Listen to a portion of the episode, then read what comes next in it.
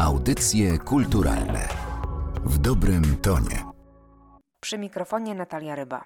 Zapraszam Państwa na kolejny odcinek Audycji Kulturalnych. W dzisiejszym podcaście odwiedzimy Muzeum Okręgowe w Toruniu, gdzie można zobaczyć wystawę Szczęśliwa Godzina Młoda Polska. Zapraszam na rozmowę z kuratorką wystawy Anną Król z Muzeum Manga w Krakowie.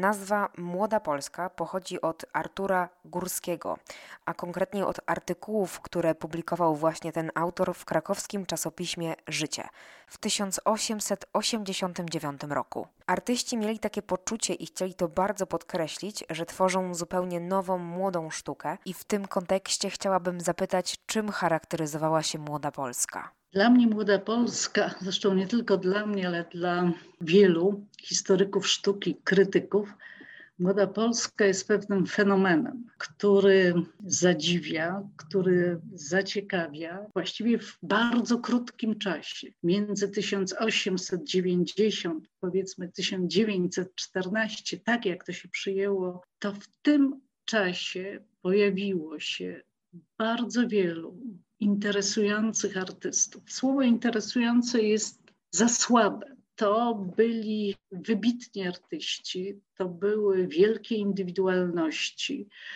i w tym też czasie powstały arcydzieła. To jest dla mnie bardzo ważne, że powstały dzieła wyjątkowe, które nie mają analogii, krótko mówiąc, w sztuce europejskiej tego czasu. Tytuł Szczęśliwa godzina. Do czego właściwie nawiązuje? To jest oczywiście Maria Poprzęcka, która w jednym ze swoich artykułów napisała o szczęśliwej godzinie malarstwa polskiego, czyli o młodej Polsce. Dokładnie w sposób niezwykle celny wypunktowała te najważniejsze elementy, o których zresztą przed chwilą wspomniałam, i nazwała ten okres szczęśliwą godziną malarstwa polskiego. Ja bym to rozciągnęła nie tylko na malarstwo, ale także na grafikę, także na rzeźbę. To był jakiś niezwykły moment w sztuce polskiej, kiedy właśnie spotkały się wielkie indywidualności, gdy narodziły się wybitne dzieła, gdy był to czas takiego niezwykłego fermentu artystycznego, krótko mówiąc, wyjątkowy. Jakie tendencje w tamtym okresie doszły do głosu? To, co najważniejsze dla młodej Polski, że to przecież nie był taki jednolity, jednolite zjawisko artystyczne. To był i symbolizm, i jakiś rodzaj recepcji impresjonizmu, to był intymizm i rzecz jasna początki ekspresjonizmu. To były głębokie inspiracje sztuką japońską. Także bardzo różne zjawiska, bardzo różne zainteresowania. W końcu pamiętajmy o tym, o czym uczyliśmy się w szkole, czyli fascynacja ludowością, zarówno Bronowicami, jak i góralami podhalańskimi, jak i huculszczyzną. Przede wszystkim zachwyt nad naturą, nad tym, co nas otacza, zachwyt nad górami, które przecież są, były mam na myśli Tatry, symbolem wolności i niepodległości, to w końcu ta niezależność sztuki, to inne spojrzenie na artystę, na proces tworzenia, na kreację. No i dla mnie bardzo istotne, różne, bardzo takie wyjątkowe spojrzenia na określone tematy, choćby na przykład na przedstawienia dzieci. Czy można mówić o tym, że młoda Polska bardzo mocno była związana z miejscem, czyli z Krakowem? To było serce młodej Polski. Absolutnie to było serce, bo przecież z jednej strony tu była Szkoła Sztuk Pięknych przekształcona na Akademię Sztuk Pięknych, czyli wszystkie najważniejsze nazwiska, Wyczółkowski, Wyspiański, Mechofer i tak dalej.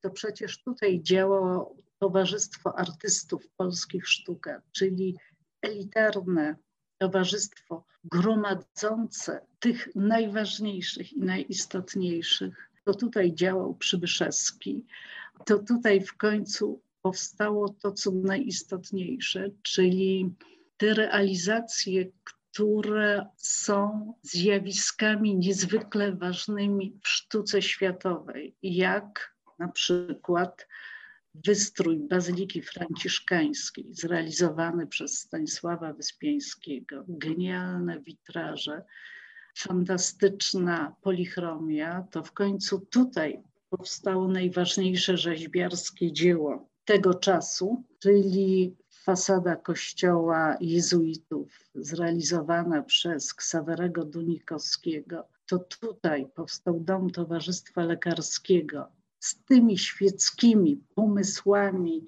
na wystrój wnętrza, czyli to całościowe dzieło sztuki z wnętrzem, z polichromiami, z balustradą, z różnymi elementami. Tutaj były wystawy, które prezentowały współczesną sztukę, sprowadzane do Pałacu Sztuki.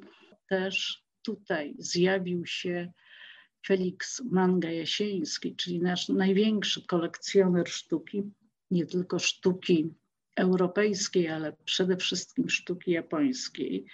I to on jakby podsycał ten ferment, to co się wtedy działo, swoją postawą, swoim zaangażowaniem, swoimi tekstami. Było bardzo wiele bardzo ważnych artystów, postaci, instytucji, choćby wspomnijmy życie to kawiarniane, czyli Jama Michalika, Zielony Balonik, notabene ta jama ciągle wygląda niemal tak jak wtedy, około 1906-1907 roku. Niezwykłe miejsce pod Wawelem, niezwykłe postaci. I jeszcze raz powtórzę, najważniejsze to są te dzieła, które powstawały, dzieła wyjątkowe. To wszystko możemy oglądać, możemy właśnie zobaczyć na wystawie w Toruniu. Wybierając się na tę wystawę, na co warto zwrócić uwagę?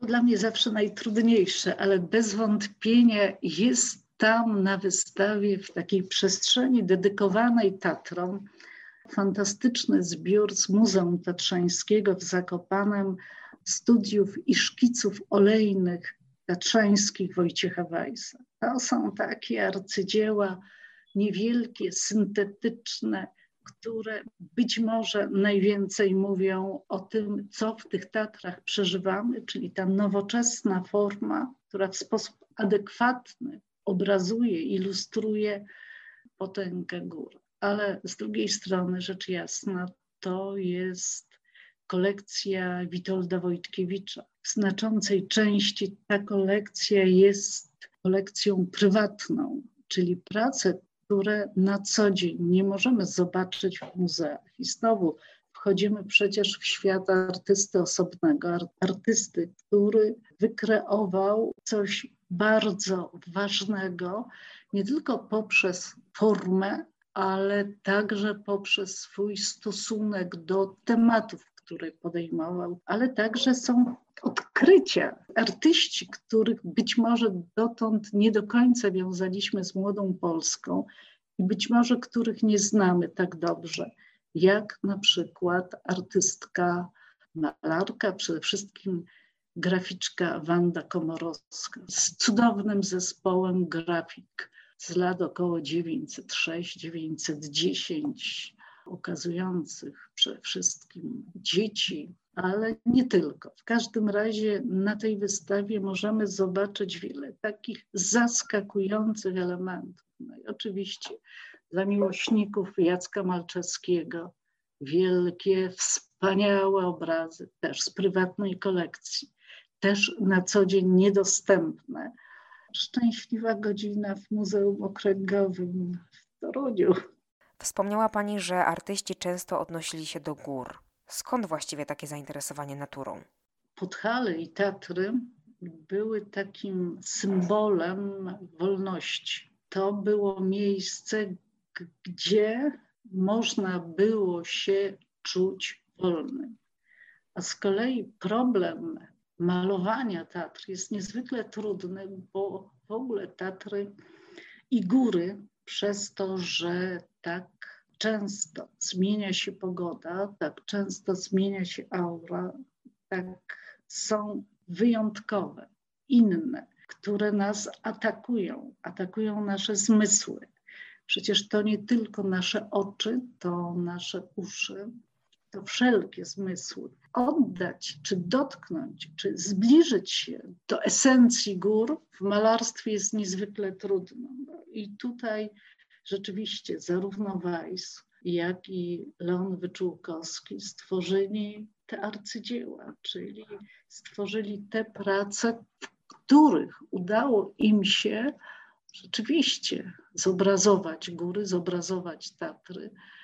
To jest to niezwykłe doznanie. W jakiej koncepcji jest zorganizowana ta wystawa? Skupiłam się na kilku tych najważniejszych elementach, które mnie interesują w Młodej Polsce, czyli z jednej strony to kobiety artystki, jedna przestrzeń dedykowana Oldze Boznańskiej i właśnie Wandzie Komorowskiej. Jeszcze inna nosi tytuł Pracownia, gdzie jest ukazany artysta przy pracy, przede wszystkim oczywiście Jacek Malczewski, no ale ta pracownia, która była tak ważna, tym miejscem kreacji, tworzenia, zawsze nas to fascynuje. Odrębną przestrzeń zajmują obrazy ukazujące dzieci. Ta przestrzeń nosi tytuł niewinny, bo te obrazy są trudne, niepokojące. One rzeczywiście wykraczają poza takie słodkie XIX-wieczne wizerunki dzieci. Są to rzeczywiście jeden z najważniejszych obrazów w polskiej sztuce.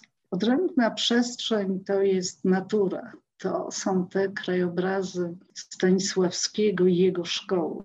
To jest stosunek e, do natury, do kwiatów i ptaków. Jeszcze inna to Tatry, rzecz jasna. Jeszcze inna to jest Witold Wojtkiewicz. Nowe spojrzenie na sztukę, ale tam wprowadziłam dwóch współczesnych artystów, którzy nie tyle inspirują się Wojtkiewicza, ile gdzieś tam blisko są z ducha Witolda Wojtkiewicza, czyli krakowscy artyści Zbigniew Sprycha i Dorota Brinken-Ćwieluch. Jest przestrzeń bardzo ważna według mnie, czyli to coś, co było elementem tego świata artystycznego, czyli secesja właśnie z całym wzornictwem w sposobie prowadzenia formy, wreszcie życie artystyczne, czyli Zielony Bajlonik, Jana Michalika, no i klimaty takie bardzo kabaretowe. Czy młodą Polskę można zaliczyć do awangardy XX wieku? Młoda Polska była specyficznym zjawiskiem, które zamykało epokę XIX wieku, które zamykało rozmaite XIX-wieczne poszukiwania z jednej strony, z drugiej zaś te formy, które się pojawiły w sztuce, zdecydowanie otwierały pewne zjawiska. Rzeczywiście ona, tak można ją traktować, otwierała czy inspirowała pewne współczesne działania poprzez te scenograficzne ujęcia, no i poprzez tak ekspresyjne formy, na przykład jak u Witolda Wojtkiewicza. Jest niezmiennie interesującym zjawiskiem. Dziękuję Pani za rozmowę, a Państwu za uwagę. Na wystawę zapraszamy do 5 września w Muzeum Okręgowym w Toruniu. Do usłyszenia. Audycje kulturalne w dobrym tonie.